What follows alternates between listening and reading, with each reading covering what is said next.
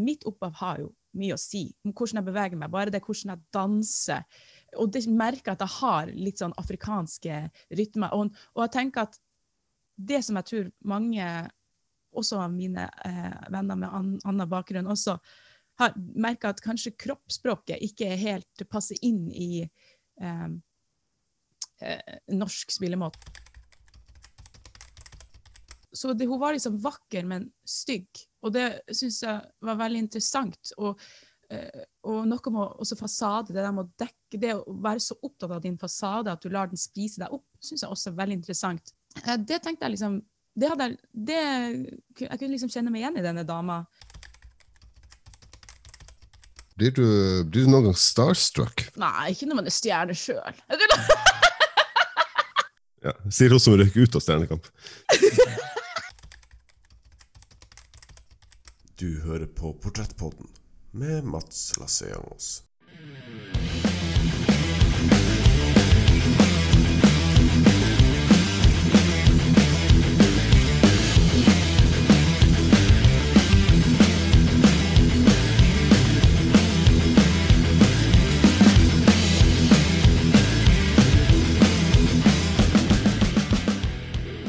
Det stemmer.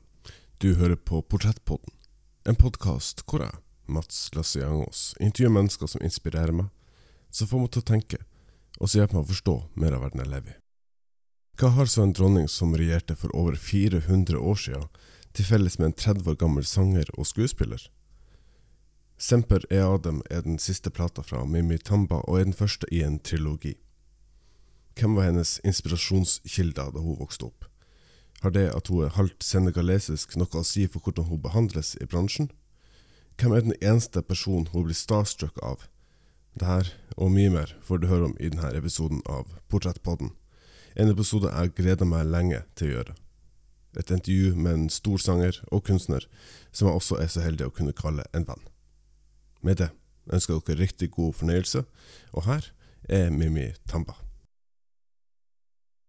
Mimmi Tamba, du er jo eh, da eh, datter av en, eh, en musiker og en skuespiller, så det er vel ikke Altså for, for, for vi oss som står på utsida, så er det kanskje ikke så overraskende at du ender opp som musiker og skuespiller. Um, så har det, For å ta, vri litt på det, det klassiske spørsmålet, så uh, har det noen gang vært du tenkt at ja, kanskje jeg skal bli rørlegger isteden? Så uh, har det alltid vært en, en direkte plan? liksom. Um, jeg hadde lyst til å bli kokk, faktisk, når jeg var liten. Oh, ja. Eh, men, altså det, men det var først og fremst sanger, da, eller å lage musikk. Eh, men jeg hadde lyst til å eh, bli kokk eller eh, fotograf. Slash kanskje regissør, for jeg lagde sånne zombiefilmer med klassekamerater når jeg var liten. Så ja, def, definitivt, no, definitivt noe kreativt, men ja. Det var liksom ikke. Ja.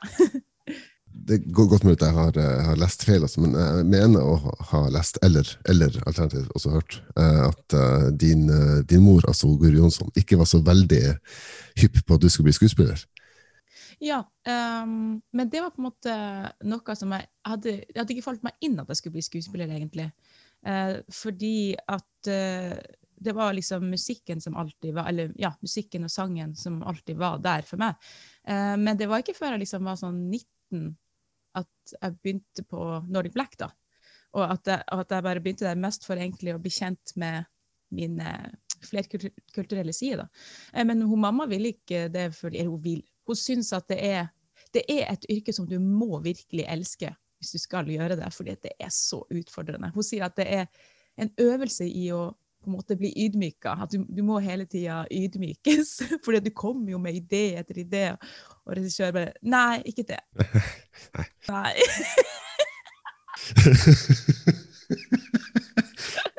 og, så, og så får du en gang i ny og ne Ja, det var bra. Og så var det liksom mm. Ja. Så du, du må virkelig elske det. Så det var det hun mente med det. Ja.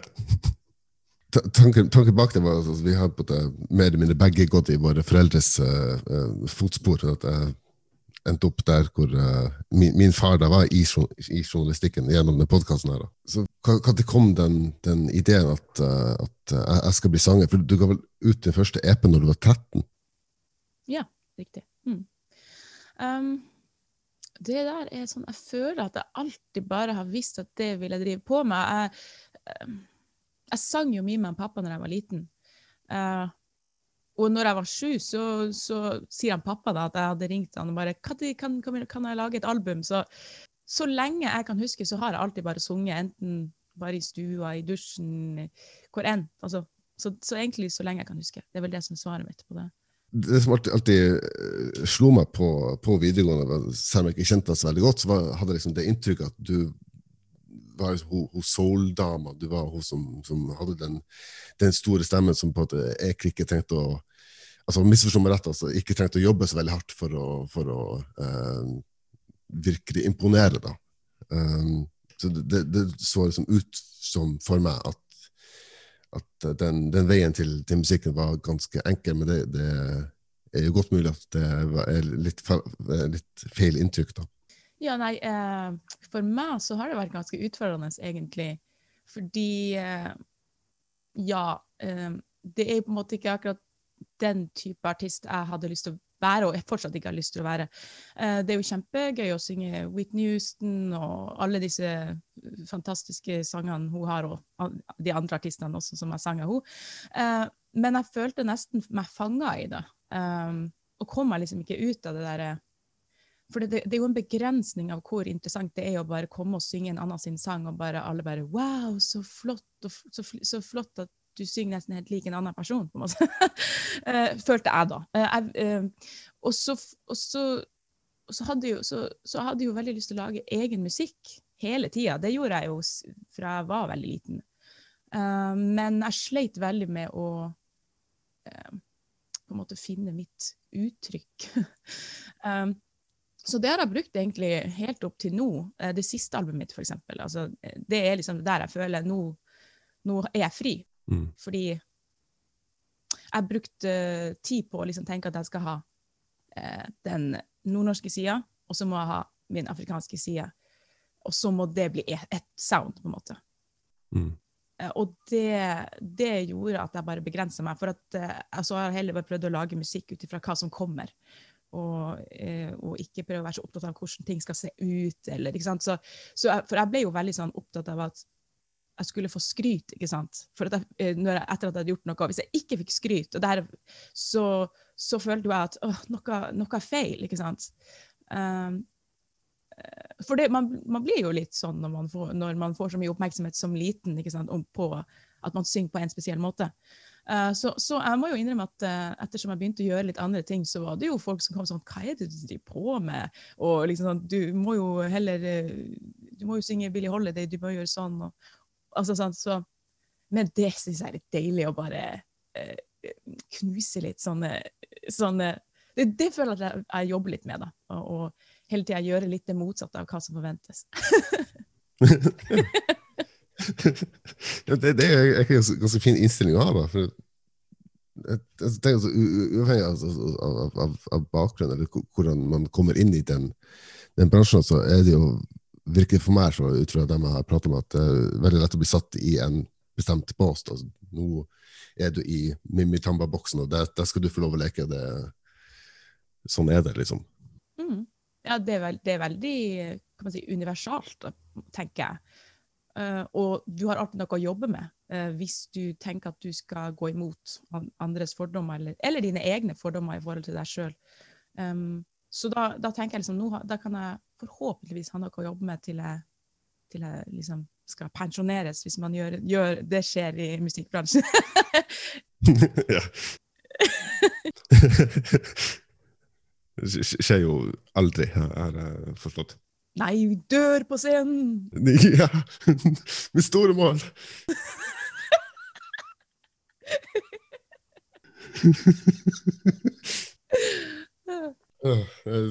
Godt å høre at du har planen klar allerede. Så. Ja, ja. Mulig det er litt, eh, litt, litt vel uh, naivt å spørre om, men altså det, det, at man har en, en, en, flerkulturell bakgrunn, gjør det at man har en del andre Man blir møtt med en del andre forventninger enn man kanskje ellers ville blitt? Um, jeg tenker det, og det har jeg tenkt egentlig mer og mer. Jeg, jeg var egentlig sånn som ikke tenkte noe særlig på det når jeg var yngre. Uh, og jeg var ikke så veldig opptatt heller av min egen, den, den sida, da, min senegalesiske side. Så jeg gikk på skolen, hadde norske venner uh, for det meste. ja. Uh, og, så det var ikke før jeg begynte på Nordic Black at jeg liksom bare Oi, det er faktisk ganske viktig å kjenne folk med litt annen bakgrunn, altså, også som er litt mer lik meg i bakgrunnen og sånn. fordi vi hadde en ting til felles. Eh, det kan jo hende at det her er veldig teit, men du har for eksempel, en av de første tingene jeg husker, var eh, at bare de hadde med seg deodorant på skolen. På, og det var sånn som jeg følte at bare jeg hadde, for jeg var litt sånn redd for at jeg skulle lukte, fordi det var litt sånn at uh, jo, de, de, altså mine venner på når jeg gikk på videregående, de tenkte jo på meg som hvit, de var liksom fargeblind på en måte. Men derfor hadde de også noen ganger litt rasistiske utsagn. Som bare 'Å ja, altså negre, de stinker', og så indere, altså sånne ting. Det høres jo helt jævlig ut, men this is true. og, og så, så, det er liksom sånne ting har jeg bare, når jeg har blitt eldre, bare innsett å ja, det har jo faktisk prega meg. Og, og, og, og, da gjennom teateret og gjennom å møte de, så i teater så kom jo disse samtalene opp. Og ja, det er faktisk sånn at man får en litt andre forventninger. Det er også i forhold til i teater så er det jo også litt i forhold til hvilken rolle du får da. Eller spesielt i film. Um, og ja uh, I teater òg, men jeg føler at nå begynner det å bli bedre, da. Men jeg, hvis jeg skal snakke om hvordan det har vært å vokse opp i det, så, så har jo det også utvikla til at jeg liksom tenkte da at jeg ville vise alle mine andre sider enn bare liksom sånn at uh, altså at jeg kan liksom være i sånne innvandrerroller, ikke sant, eller uh, med, at min bakgrunn som senegaleser må være viktig hver gang. uh, så jeg føler egentlig det har styrket meg som artist og skuespiller, men samtidig har det vært veldig utfordrende. du hører på Portrettpodden med Mats Lasseangos.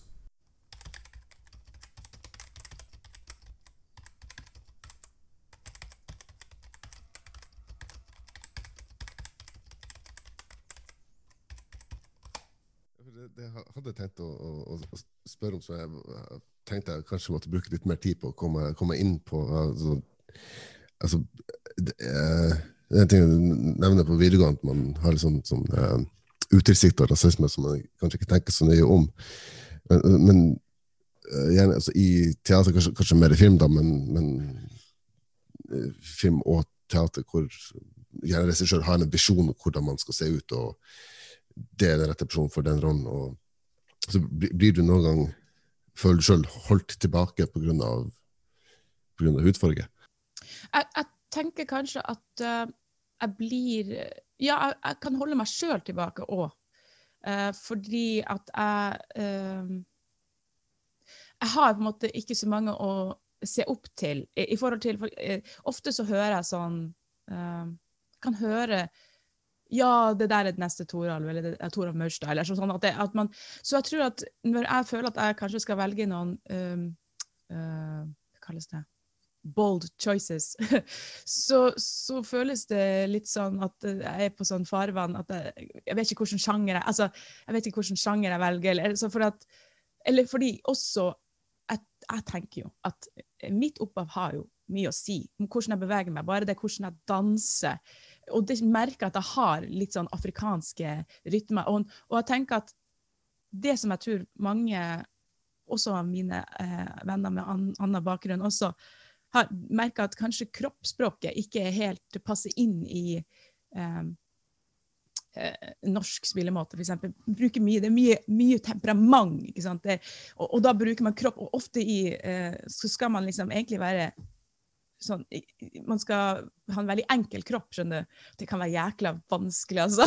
Men jeg, har, men jeg har lært meg å jobbe med at, prøve å kanskje jobbe med min egen stil, og det er der man må gjøre det. Det er jo en del av å vokse som skuespiller. Men der har jeg kanskje merka at uh, Jeg har merka mye at jeg kanskje kan bli holdt tilbake der, av meg sjøl, men også av regissører. Og så er det bare helt enkelt at mange regissører har, har lyst til å bruke min bakgrunn som uh, som ofte så blir det sånn. Men jeg prøver å tenke på det som en styrke også, men det er bare litt kjedelig hvis det skjer hver gang. ikke sant? Eh, da, da får man ikke utvikla seg. Jeg har lyst til å være en alien, hvis du skjønner. og jeg føler meg som en alien. Eh, og jeg føler jeg har så mye mer å tilby enn bare det. da. Så, så det, det, jobber jeg med kontinuerlig. Og, og, det føler jeg er også min oppgave å si fra om eller prøve. Og det har jeg begynt å klare å si. Nei, men det, det, det Jeg hadde en uh, Du må bare si ifra hvis jeg prater for mye. Bare pra prater vi. Ja, uh, for jeg hadde en jeg var Her er en av mine nærmeste venner, faktisk, og regissør, som vi har blitt veldig gode venner i løpet av årene. Og vi hadde en, en situasjon, konkret situasjon. Hun, vi skulle lage en film, en kortfilm.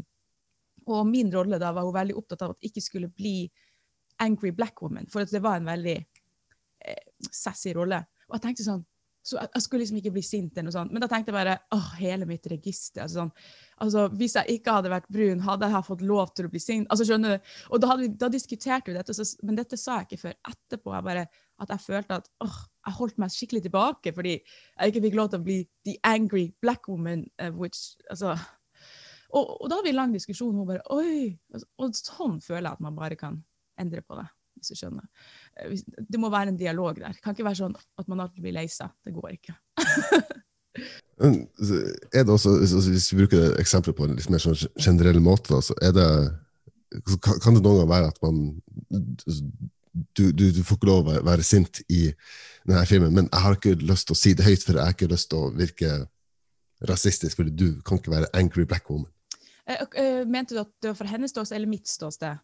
Altså fra, fra uh, hennes ståsted, altså er, det, man, altså er man noen redd for å kaste deg i en typisk rolle fordi du, de har ikke lyst til å være rasistisk? Eksempel. Jeg, tenker at det, er en vanskelig tid for eh, eh, regissører og folk som skal skape ting. Det er kjempevanskelig. Eh, jeg merker det sjøl når jeg skal prøve å skrive ting. Jeg tror at ja, at man blir eh, Man har veldig lyst til å få til en forandring, og da kan man også samtidig være med på å vedvare de stereotypiene ved at man liksom begynner å lage veldig politisk korrekte roller. Jeg tror at det, det, som, det for meg som er viktig, er at man klarer å lage roller som er mer komplekse og ikke bare endimensjonale. Uh, og det, det, bare der, og det tror jeg bare man kan få til hvis man inkluderer kanskje Gjør litt mer research på de rollene, inkluderer folk med, med, med, som, som, har erfaring med det, på en måte, og være sånn. Uh, men så jeg tror det er veldig mange som, som, sitter og skriver på en måte uten å gjøre det på akkurat sånne type roller med forskjellig bakgrunn. og sånn. Um, uh, så, så, jeg tror at ja, de er litt redde for det. og det kan jeg skjønne. Du uh, du har lyst til å være litt mer sånn alien. Det er egentlig en ganske fin overgang. for Første gang som jeg så det i sånn profesjonell kontekst på, på scenen, var i, i Lasarus på Det Norske Teatret. Um, apropos en alien. altså Den David Bowie-musikalen, uh, uh, som jeg håper veldig mange har, har sett, for den var utrolig nydelig. Um, du har også vært med i, i, i uh, Book of Mormon uh, på samme teater, og også står i hvert fall på, på hjemmesiden til Norske Teatret du skal være med i Into the Woods. Uh, av, av, Steven Sondheim, hvor du da skal spille Askepott. Har du noen gang fått tilbakemelding, anmeldelser, hvor det at du har flerkulturell bakgrunn, blir trukket fram? Nei, det har jeg ikke, og det har jeg følt eh, har vært på sin plass, på en måte. Altså, fordi at de eh, Altså Lasarus, oh, det var så gøy, men herregud, så utfordrende. Men, men der var det jo uh, Det som jeg syns er så gøy med sånne typer roller, er jo at jeg kan, jeg kan virkelig identifisere meg, for det handler jo Altså, Girl er jo en karakter som er inni hodet til uh, hovedkarakteren, men samtidig så kan det hende at hun har eksistert i virkeligheten. Så, så hennes, hun, hun, er bare sånn Hun vet ikke. Hun bare er. skjønner du? Hun bare eksisterer. Og, så, og, og, og observerer. Og, um, så den karakteren er jo veldig sånn jeg føler ikke det har noe, med min bakgrunn å gjøre. Og det er noe som man må si med Det, det Norske Teatret, at har de, de, har gitt meg så mye artige oppgaver. Og det er også derfor jeg syns det er veldig gøy å jobbe der. De tenker jo nytt, og, og er veldig mye med på å hjelpe og lage få, få Eh, ja, at det blir komplekse roller. Så føler, det er veldig gøy med forskjellige oppgaver. Og, og, og, så tenker jeg sånn at i hver oppgave så har jeg lyst til å eh, jobbe med det litt sånne litt rare eller litt sånn obskøre, hvis du skjønner. Uh, Så jeg føler meg som en liten alien. Jeg tenker også, det, altså det inntrykket jeg har fått ut fra altså Jeg er musikalnerd, uh, så jeg sluker alt som, som jeg kommer over. Uh, men det inntrykket jeg har fått, altså, kanskje mer, mer i London og Broadway, sånn så hvis man er med i noen kjente verk som f.eks. Into the Woods, så er det vel sånn spika hva man skal gjøre, hvordan man skal si det, og her er det mønsteret du skal gå på scenen, og sånt. Um, hvis det er utgangspunkt i, i Lasarus først, da, så um, hvordan, hvordan gjør man research til, til en sånn type rolle? Ah, det var et godt spørsmål. Uh, nei, jeg jobber veldig ut ifra jeg, jeg, altså, jeg leser manuset, og så kjenner jeg bare på den følelsen først av hva jeg får av den karakteren. Hva er, hva er brikken, eller hva er hennes eh, mål i dette eh, stykket? I denne omgang så var det ganske vanskelig å finne ut av med en gang. Så jeg jobba veldig mye med å være her hjemme i stua, og så gikk jeg fram og tilbake og bare sa hva jeg tenkte om henne, hva, altså, for å få ut eh, hennes indre liv. Uh, og så er det jo det å bare gå på gulvet og, og, og tørre å, gjøre ting, og ting som føles feil og, og for mye. altså sånn, og bare Så finner man ut av det på den måten. Og med henne så var det veldig sånn at ting klikka på plass når uh, jeg fikk se dekken, altså scenografien. Uh, og uh, jeg skulle jobbe mye med kamera. ikke sant? Jeg fikk sett eh, da, så, da var det akkurat som at hun bare klikka på plass. Og da tenkte jeg bare sånn Mimi, du skal ikke gjøre så mye. Du skal bare, hun skal bare være. Hun skal bare være, hun. Så, så hun, hun skal bare henge i lufta og ikke ane noen ting. But it's just like yourself. Just be yourself. Nei da. Typecasting!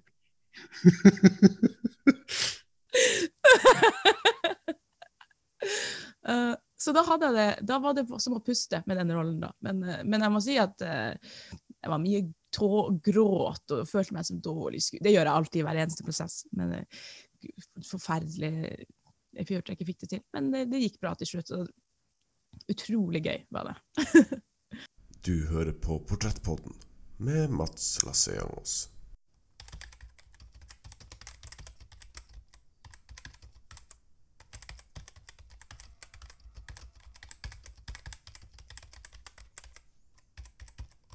Men, men kan jeg spørre deg nå?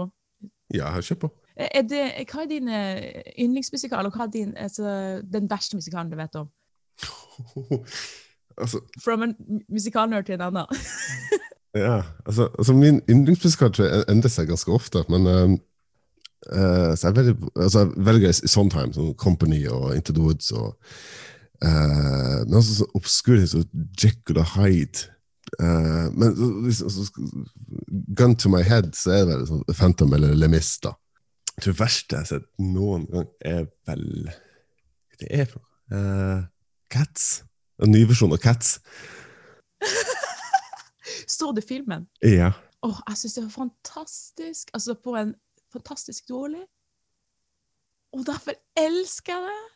Det er fantastisk dårlig. Jeg så den til og med i Tyskland med kjæresten min, dubba på tysk. Det hjalp ikke.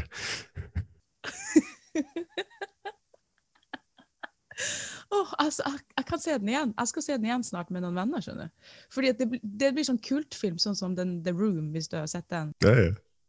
You're tearing me apart, liksom. Ja. Så, så lenge man finner noen type glede i det, så er det jo en god film. Ja, absolutt. Og, og, og, og se Jennifer Hudson på alle fire mjaue. Hallo! Det må vi få se. Ja, altså Judy Dench er jo også på alle fire mjauer, men det er, det er kanskje ikke helt samme effekten. Jeg får ikke bilde av Judy Dench ut av hodet. Hvor var vi? Nå mista jeg helt tråden her. ja, så, så siden det her er en, uh, en podkast hovedsakelig om inspirasjon og inspirasjonskilder, så er det jo kanskje uh, greit å, å, å hoppe litt over til eh, det nyeste albumet ditt, som, som du slapp like før, uh, like før korona kom.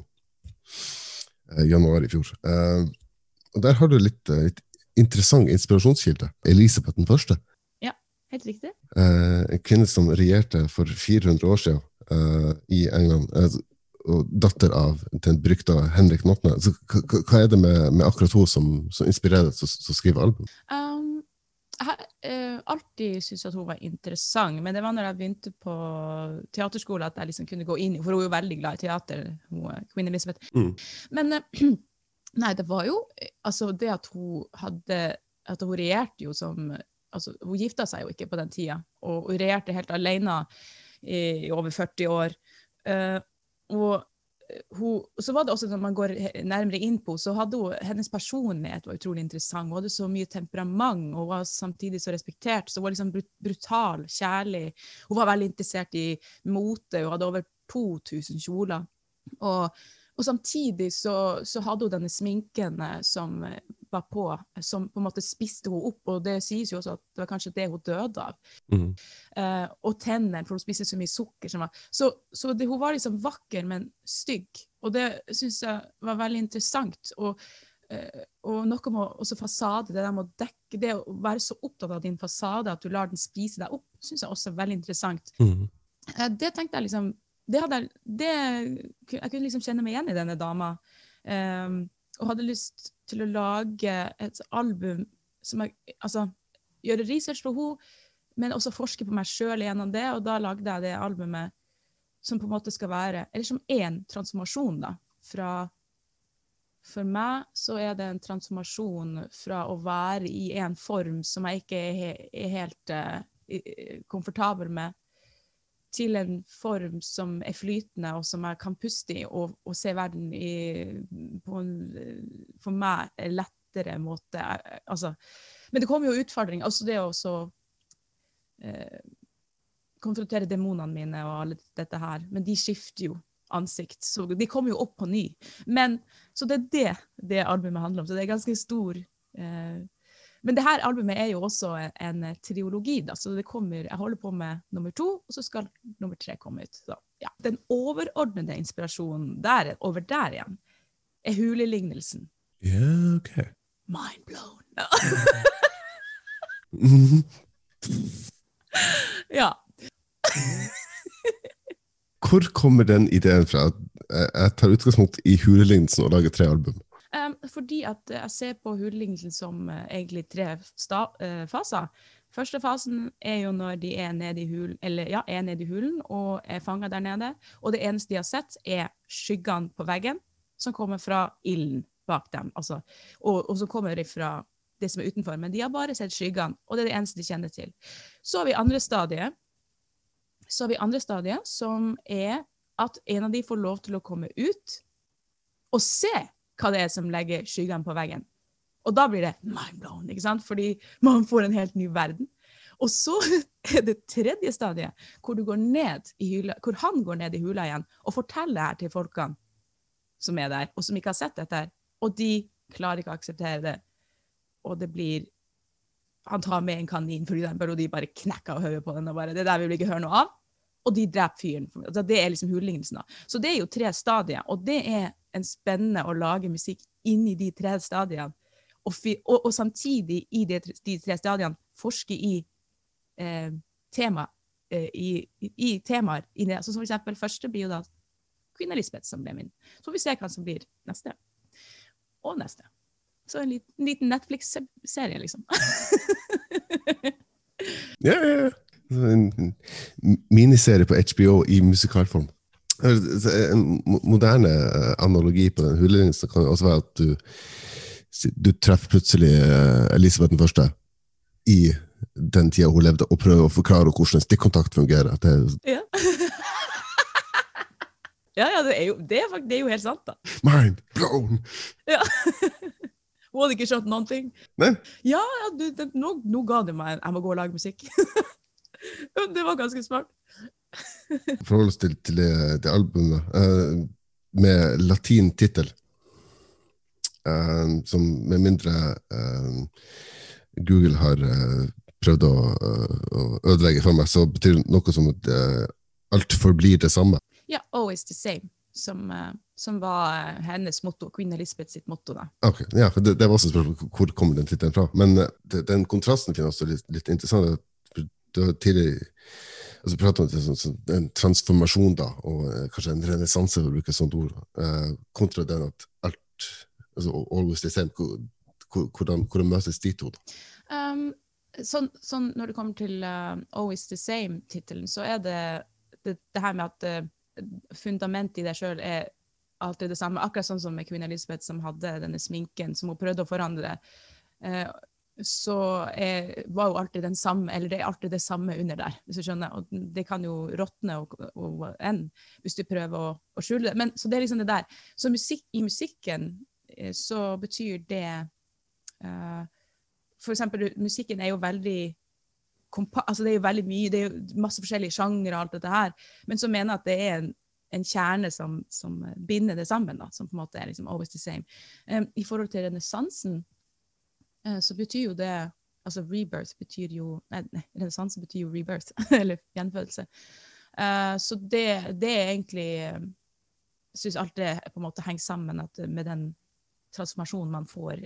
Sånn, altså hovedkarakteren, aka meg, eh, eller aka deg, de som lytter, forhåpentligvis får en transformasjon når de hører på dette her, da. Eh, så, ja, så der kommer renessansen din og blomst. Veldig godt svar. For det var altså, Hvis vi går litt, litt, lenger tilbake, altså når um, rundt sånn uh, videregående, den, den tida der um, var det, også, det, det var veldig ofte sånn sammenligning, sammenligning mellom deg og og Whitney Houston. altså Du var den nye Whitney Houston No Pressure, liksom.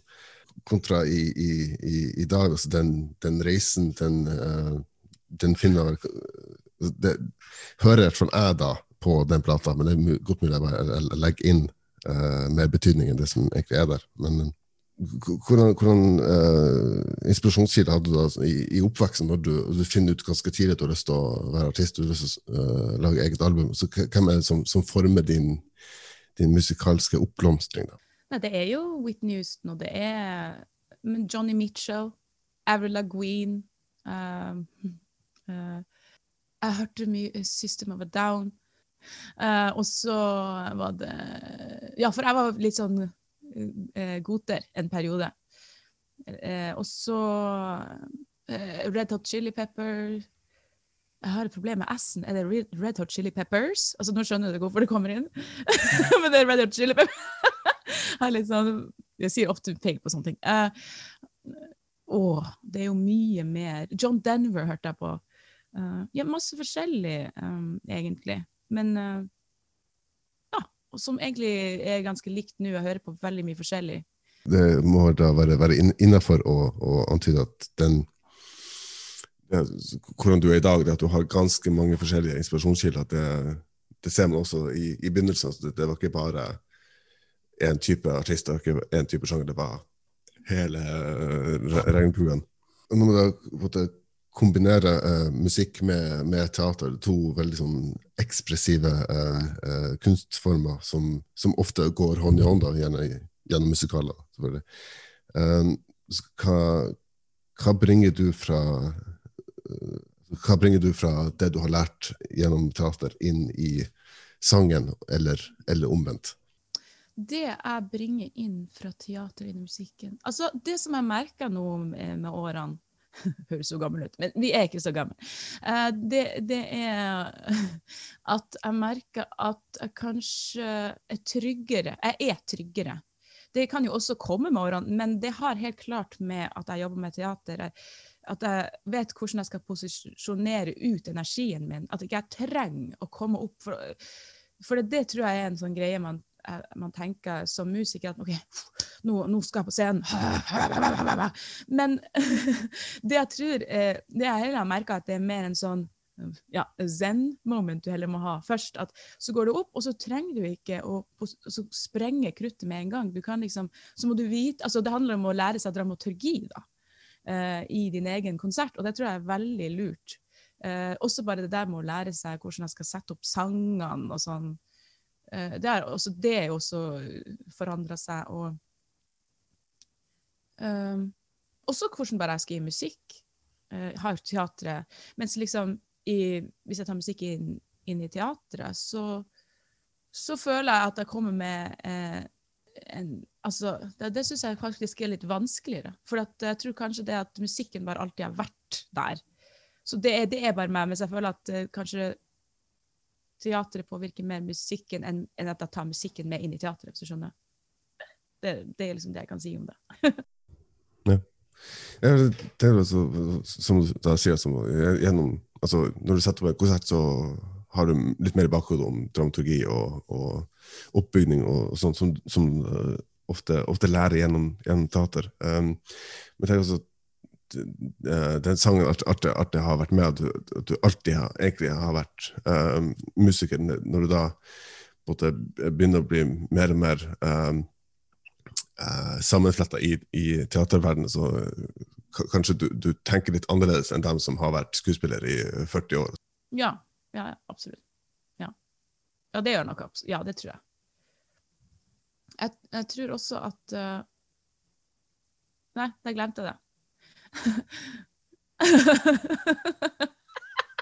OK. det har vært perfekt uh, alternativ versjon av den hulleregnelsen. Han kommer tilbake, men han har glemt hva han sa. Nei, faen, jeg glemte det. Never mind. Never mind. du hører på Portrettpodden med Mats Lasseangos.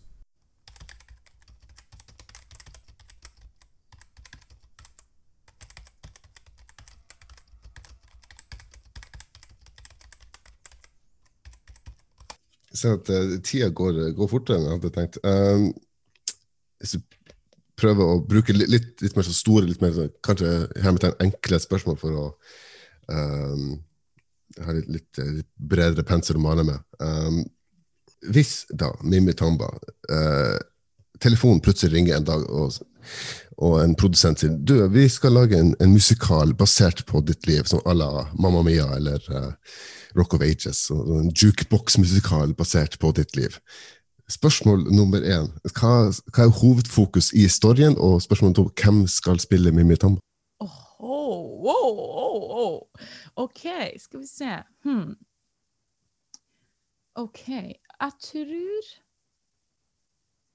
Dette er et vanskelig spørsmål, altså. Det... Vi leker ikke i podkast. Nei, det, det, gjør vi virkelig ikke. Mm, interessant.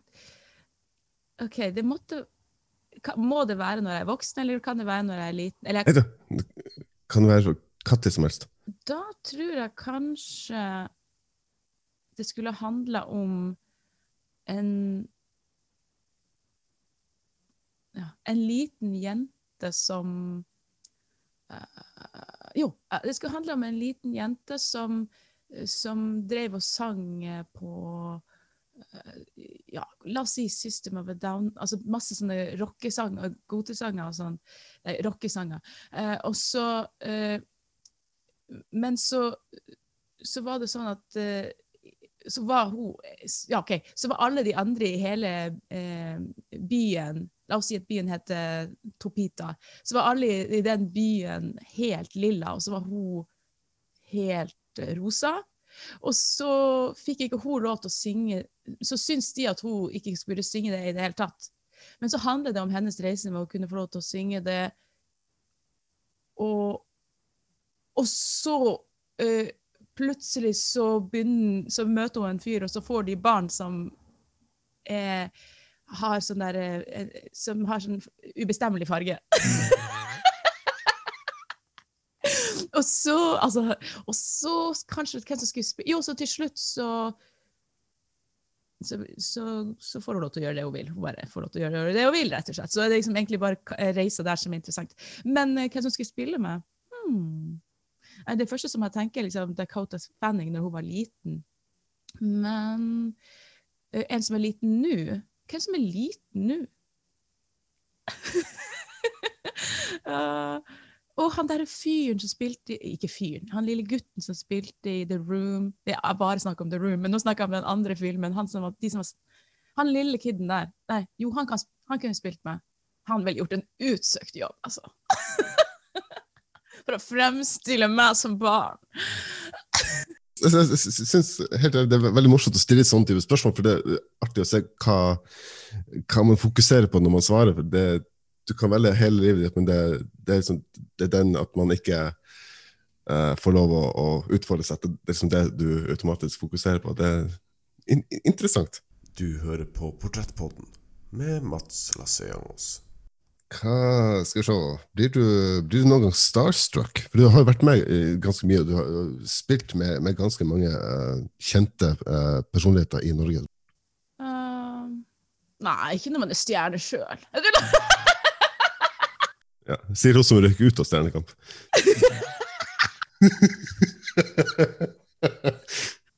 Å, den elsker jeg! Um, OK. Um, um, om jeg blir starstruck noen gang Altså, nå Jo, nå kommer han til å bli veldig glad, sikkert. Uh, jeg ble faktisk litt starstruck når jeg møtte han Frank Kjosås. Det ble jeg òg første gang. Ja, så da ble, jeg ble det Og så blir jeg sikkert starstruck. Jeg er sikkert, sikkert sånn, var sikkert veldig sånn low key starstruck når jeg var der, jobba med de. Men jeg er veldig sånn som prøver å presse sånt unna, for ellers så får jeg helt prestasjonsangst. Uh, men det var vel han jeg husker, da. Nå, nå føler jeg liksom at vi er, det er familien min der, liksom. Så jeg, jeg syns ikke de er så skumle lenger. Men det gjorde jeg i starten. Du har nevnt i et tidligere eh, intervju, eh, og det her tar jeg fullstendig ut av kontekst, med vilje. Eh, du, har, du har altså nevnt at du er veldig interessert i sånn true crime.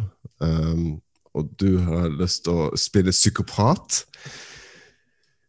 Eh, så, for å ta det opplagte spørsmålet, eh, hvorfor det?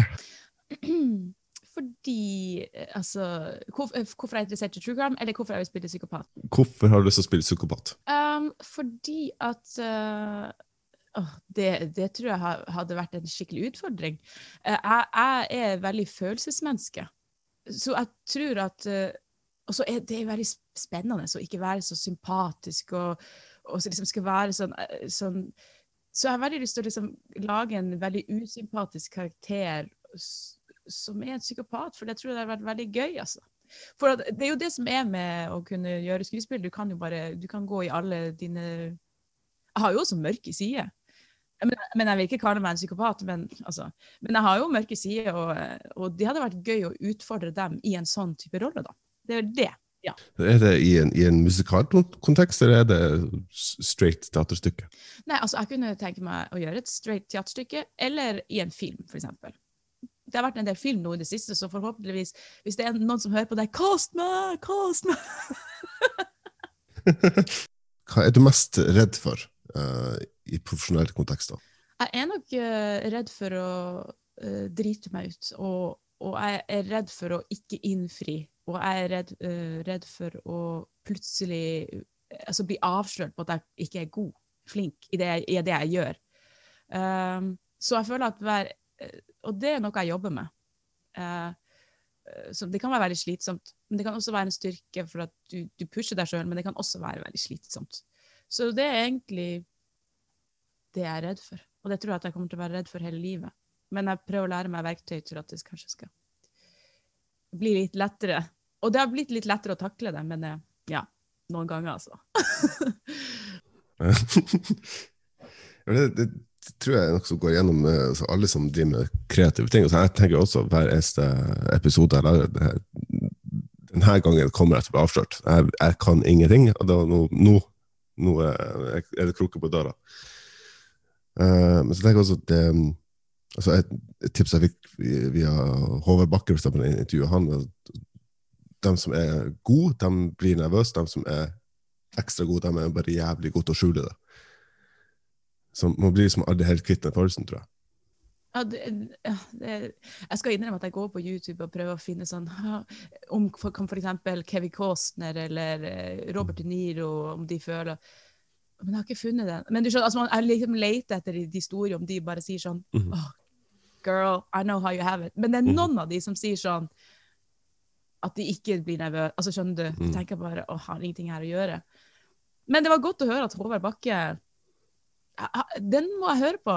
Han, du har intervjua han, sant? her. Ja, ja, ja. han har jeg, han har jeg sett eh, Vi har liksom aldri hatt en samtale, men vi, vi har liksom vært på samme arrangement og bare sånn hei, hei. Og så, var, og så hadde jeg en audition med han, faktisk, apropos musikal. Så skulle han spille han derre i derre Åh, nå har jeg glemt hva det heter. Sound of Music. Mhm. og så skulle jeg spille hun der hovedrollen, og han skulle spille han kapteinen. Mm, Von Trapp. Eh, von Trapp, ja. Uff, det- og da, da ble jeg litt starstruck. jeg bare Ja, ja, få prøve! Uh, men det, ja, det, det, det, var, det var så kleint som en audition kan være. Men uh, da følte jeg at han, at han hadde en nerve som ga meg masse. Det, apropos, det er jo det. Man kjenner at folk mener alvor når de er litt sånn Hvis man sitter og er avslappa, så, så kommer det kanskje ikke så mye ut. I don't know. tenk, tenk også, hvis, hvis, du er redd for å feile, så er du, da er du gira på å gjøre det bra også. Hvis du er helt avslappa, så ja, det er egentlig ganske likegyldig om, om jeg får den rollen eller ikke. Da, ja. Det er det feil, innstilling, tenker jeg. Ja. Man, må, man må, liksom se litt lidenskap i folk. Man må man skal det. liksom bli tiltrukket av, det, av dem. Ja. ja.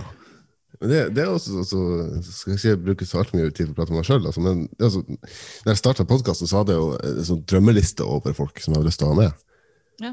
Um, og da har fått ut et par episoder, og ting begynner å gå bra. Så plutselig får jeg ligger på sofaen en lørdagskveld og plutselig får jeg melding på Messenger fra Håvard Bakke spør om han kan være gjest. Ah. Så jeg slipper å spørre han. Ja, ok. Da, da, da, var jo førsteplassen ferdig. Uh, så jeg måtte jo tenke større. Da sånn, ja, ok, da prøver vi Stephen Fry. da. Han, han, blir aldri å si ja, men man vet aldri. Og så sa han ja. så... Det, jo, det, det der er helt fantastisk at du fikk det til. ja, jeg skjønner fortsatt ikke helt. men uh... det, det, er så sjukt kult. uh, ja. Jeg tror det kommer ikke for til når man bare ikke er redd for konsekvenser, bare ja. gønner på. Kaste seg ut i det. Rett og slett.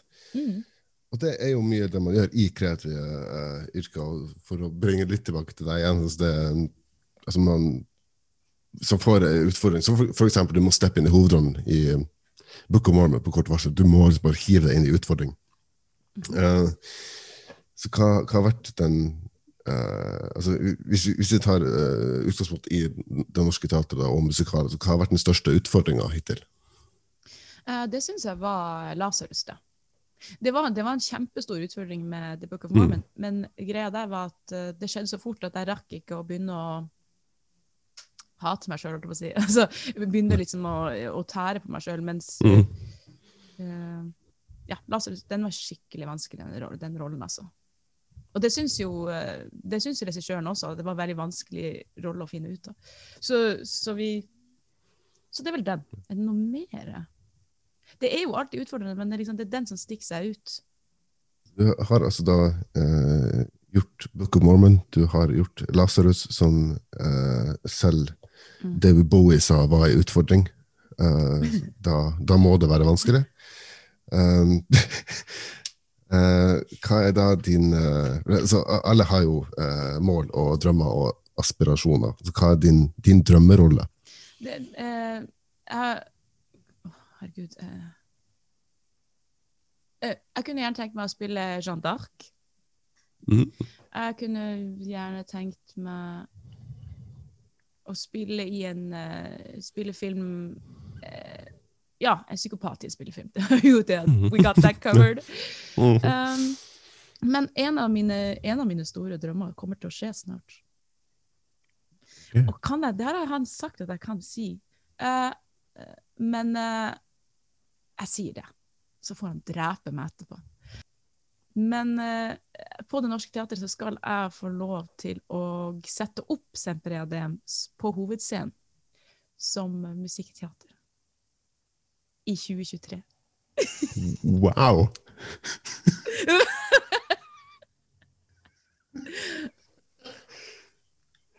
det er ja, nå, nå, vet jeg ikke helt hva jeg skal si. Gratulerer, for det første. Tusen, tusen takk. Så det, det, blir gøy. Ja, det vil jeg tro. Ja. ja hvordan, hvordan, hvordan kom, kom, det i, gang? Nei, eh, eh, det skal jeg fortelle. at eh, Jeg skrev han en mail som var veldig sånn Dette må settes opp! Altså, Jeg var ikke sånn slem, men jeg er veldig sånn Hvis jeg, hvis jeg blir Sett opp Men hvis jeg blir veldig opptatt av noe, så blir jeg veldig intens. Mm. Og da skriver jeg veldig sånn mm. Dette må settes opp fordi sånn, sånn og sånn. sånn. Og her, det her kommer, er bra for teatret, og, da, da, da, og det er sånn og sånn og sånn. Og bare fordi jeg sjøl tenker This is amazing! Altså, sånn, jeg har en slags, mm. man, fordi at jeg tenker kan, Så mange kan få ut av det her, og vi, vi kan ta, få med så mange kule folk. Ja. Uh, så jeg skriver en lang mail. uh, og, og bare sendte den. Og I stedet for å tenke så mye over det og jobbe med den mailen, så bare sendte jeg den samme på ti minutter. Og så fikk jeg svar fra han dagen etterpå, hvor han sa dette høres veldig interessant ut, vi vil ha oss ta et møte om det. Mm. Så hadde vi et møte, og jeg må jo bare innrømme at de der møtene blir jo helt sånn her eh, Jeg mister jo helt eh, ja, taleevne, egentlig. Så jeg sier eh, Jeg blir ofte sånn Ja, nei, kanskje, jo. Men da Som en sentralborddame. Vennligst Vennlig sal. Mm. Herregud, du må bare sample den latteren min. bare- Jeg håper ikke jeg bare Folkens, jeg håper ikke jeg irriterer dere. Men uansett Det er jo dere som skal ha det gøy, ikke jeg. Men uansett. Men eh, jo, så snakka jeg med han, og, og da var han sånn Ja, dette er Han hadde liksom penn og papir med seg, og jeg bare Mm. Hva skal du skrive ned?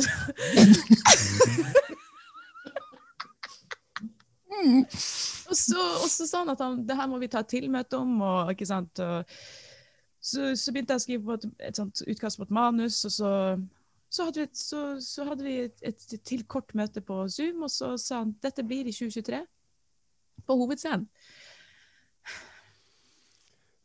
no pressure. No pressure, altså. Ja, bare hovedscenen min. Det går helt fint. Uff. Ja, Så det, det, det er noe Det er en drømme. Drømmerolle eller en drømmeting. Drømme, det, whatever det kan jeg forstå. Ja. Mm. Da, da, da vet jeg ikke hva- frem, fremtiden bringer for meg Tamba. Du tar akkurat um, sånn situasjonen nå, eh, spesielt også i Oslo, hvor mye blir åpna og så blir stengt igjen, og så er ting veldig usikkert. hvordan, eh, hvordan har du klart deg gjennom, gjennom uh, koronapandemien? Jeg ble veldig eh, paralysert i starten, og jeg bare lå i sofaen. Altså. Og jeg skjønte ikke hva det var, for ingen skjønte hva det var. men jeg torde ikke å gå ut. Uh, så jeg, ble, da, jeg, jeg trodde jeg skulle, kanskje skulle bli kreativ, men jeg, jeg ble ikke det på noen måneder. Men så måtte jeg ta meg sammen, tenkte jeg at jeg måtte bare. Så begynte jeg å skrive, og så har jeg skrevet mye. Jeg jobba mye med å utvikle også skuespillet mitt. Sittet hjemme, lest skuespillerbøker. øh, dratt meg i håret, vært lei av meg sjøl. gjort øh, Kjøpt masse sminke og prøvd liksom, tenkte at kanskje jeg skal lære meg å sminke meg, for det kan jeg ikke. Mm. Uh, konfrontert ting som er undertrykt. Veldig. og, og skrevet da et nytt album. Jeg har vært kreativ og, og destruktiv og det motsatte av destruktiv. Men altså, så, og, og det, så, så det har vært veldig sånn Ingen kan se hva jeg gjør, så jeg må nesten si det. så det har liksom vært all over the place. ja. Eh, og så ja, så har jeg jo jobba litt med sånne småting her og der. Det, det, har, Mm. det har vært grusomt og vakkert. Som, som kunst ofte skal være. Ja. Ja. Jeg tror det er en veldig fin eh, plass å starte. eh, stoppe på. eh, må jeg kanskje si. starte intervjuet her. Du har hørt på en episode av Portrettpodden. En podkast med meg, Mats Lasse Jangås. Og min gjest i denne episoden var sanger, låtskriver og skuespiller Mimmi Tamba. Har du noen tanker mens du har hørt denne episoden? Har du ris eller ros eller tips du ønsker å komme så kan du rette til Portrettpodden sine Facebook-sider. Min takk til Mimmi Tamba for at hun tok seg tid til å være med i denne episoden. Portrettpodden arbeider i henhold til Vær varsom-plakaten. Takk for at nettopp du hørte på, og vi høres snart igjen.